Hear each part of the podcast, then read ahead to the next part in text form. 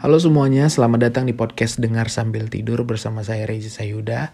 Dan terima kasih untuk semua yang masih dengerin podcast Dengar Sambil Tidur.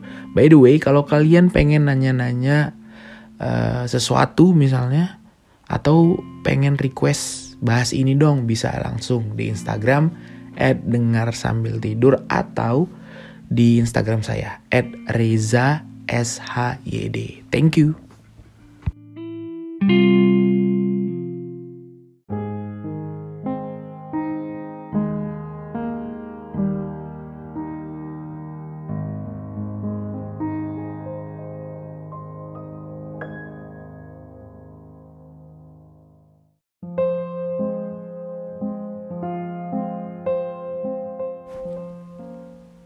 Rasa sakitmu gak seberapa.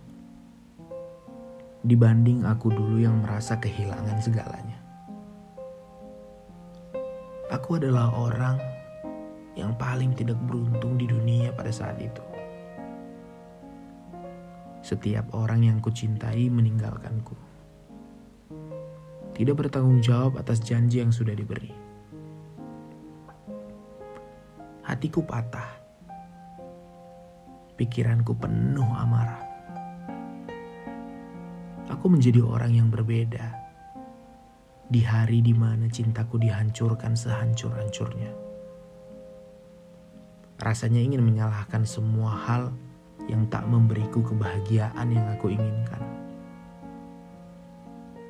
Rasanya ingin menyalahkan di mana tempat aku dilahirkan dan terus menanyakan sesuatu. Kenapa aku tak seberuntung orang-orang lain?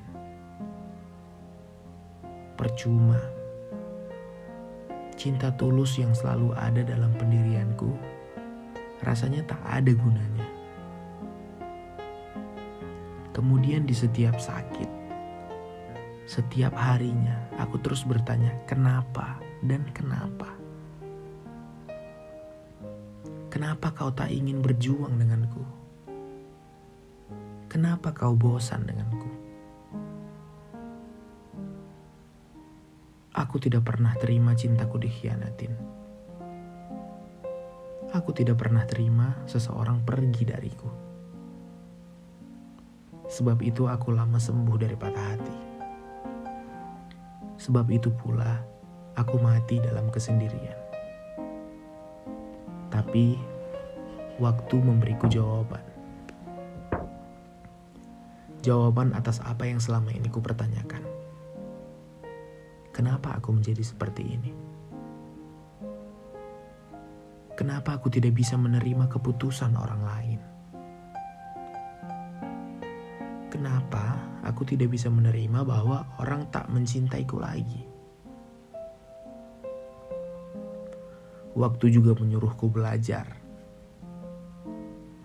Belajar memahami bahwa keputusan kita tidak dari kita sendiri.